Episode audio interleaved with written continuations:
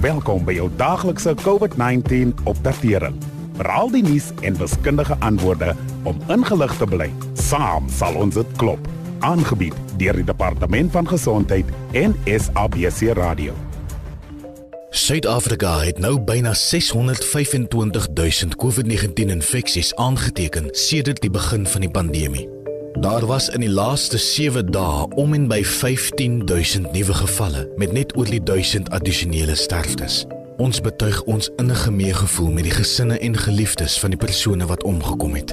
Verlede week het die voorsitter van die COVID-19 ministeriële advieskomitee, professor Salim Abdul Karim, bevestig dat ons steeds 'n standvaste afwaartse neiging toon wat gevalle in al die provinsies betref.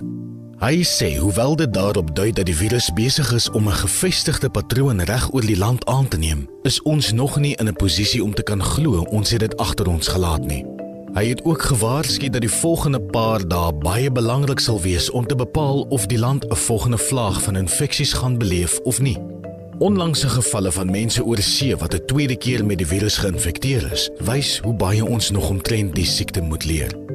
Dit sal waarskynlik nog 'n geruime tyd wees voor daar 'n enstof vir COVID-19 ontwikkel en dit wêreldwyd versprei word. En tot tyd en wyl ons 'n enstof vir die virus het, is dit nodig dat ons voortgaan om die basiese stappe te volg om te voorkom dat dit opnuut hier opvlam. Om 'n beter begrip van enstowwe en behandelings te kry, gesels ons met vandag se gas oor hoe dit ontwikkel word en wat die verskil tussen enstowwe en behandelings is. As jy ons nog nie aanlyn volg nie, beveel ons aan dat jy 'n internet soektog doen vir die Sikaba COVID-19 Facebook bladsy. Daar sal jy al die jongste nuus, raad en inligting oor die virus in Suid-Afrika kan kry.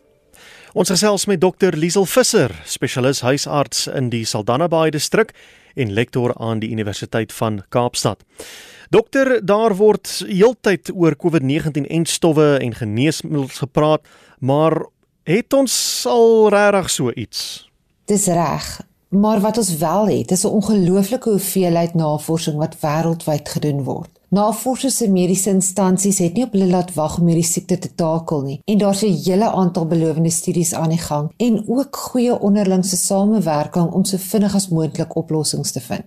Maar op die oomblik is daar nog geen bewese mediese kuur of geneesmiddel vir COVID-19 nie en geen beproefde enstof wat kan keer dat iemand die virus opdoen nie. Nou, dit klink so 'n bietjie ontmoedigend of is daar 'n bietjie hoop vir die toekoms?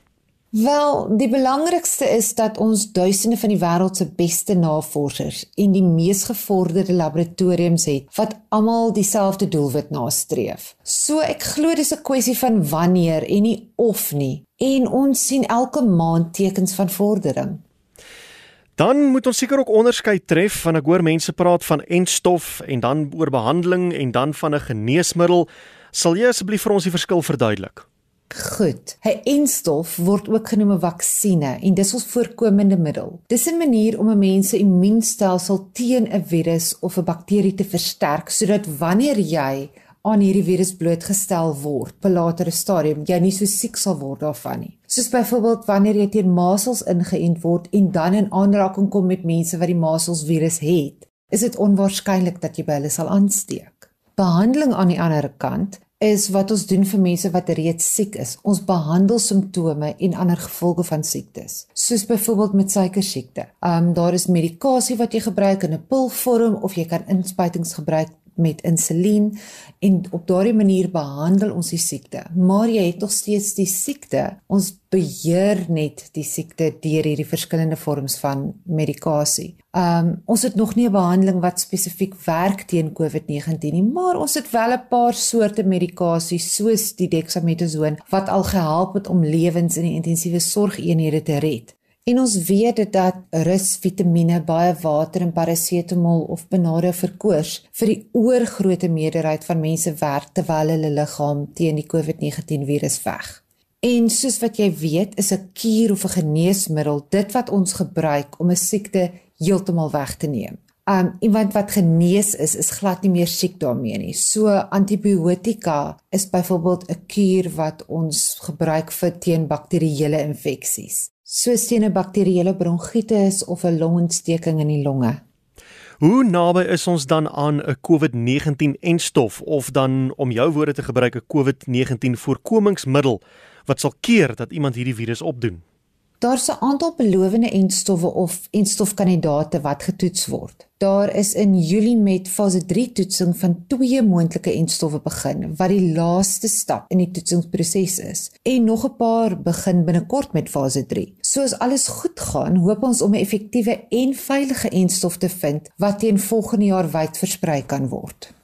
En dan 'n debat wat ek baie hoor mense wat reeds COVID-19 gehad het het en herstel het, is hulle nou immuun of kan hulle weer die virus opdoen? Elke ou, dit klink of elke ou 'n ander storie het. Daar is nog nie 100% sekerheid nie, maar dit lyk asof die teenliggapies wat jy ontwikkel om jou immuunstelsel te help om COVID-19 te beveg, verdwyn sodra jy van COVID herstel het. Maar daar's tog hoop. Onlangse studies dui daarop dat die T-selle, dis nou die wit bloedselle wat deel is van jou immuunstelsel, wel 'n mate van 'n uh, eh, virus geheue het wat hulle help om 'n tweede ronde van COVID-19 beter te beveg. En verder kyk hulle ook na 'n moontlikheid van kruisimmuniteit wat beteken as jy al van tevore 'n koronavirus gehad het, onthou COVID-19 is deel van hierdie familie van koronavirusse. Jy dalk beter in staat is om COVID-19 te beveg en dit lyk of dit veral geldig is in jong mense. En dan kyk hulle ook na die konsep van kudde-immuniteit wat beteken as genoeg mense in die gemeenskap beskerm of immuun is, um die virus dan nou nêrens het om heen te gaan om verder te versprei nie. So daar's nog allerlei groot vrae hieroor, maar op hierdie stadium lyk dit asof jy nie weer so maklik COVID-19 sal kry as jy vir dit van tevore gehad het en herstel het nie of dat jy minstens nie so siek sal word nie. Baie dankie, dit was Dr. Liesel Visser, spesialis huisarts in die Saldanha Bay distrik en lektor aan die Universiteit van Kaapstad en uh, sluit asseblief weer môre by ons aan wanneer ons praat oor geestesgesondheid en hoe om gedurende hierdie tyd van verandering positief te bly. Dankie dat u geluister het na die daglikse COVID-19 inligtingstuk aangebied deur die Departement van Gesondheid en SABC Radio in samewerking met die Solidariteitsfonds. Wees veilig, bly gesond. Saam sal ons dit klop. Suid-Afrika.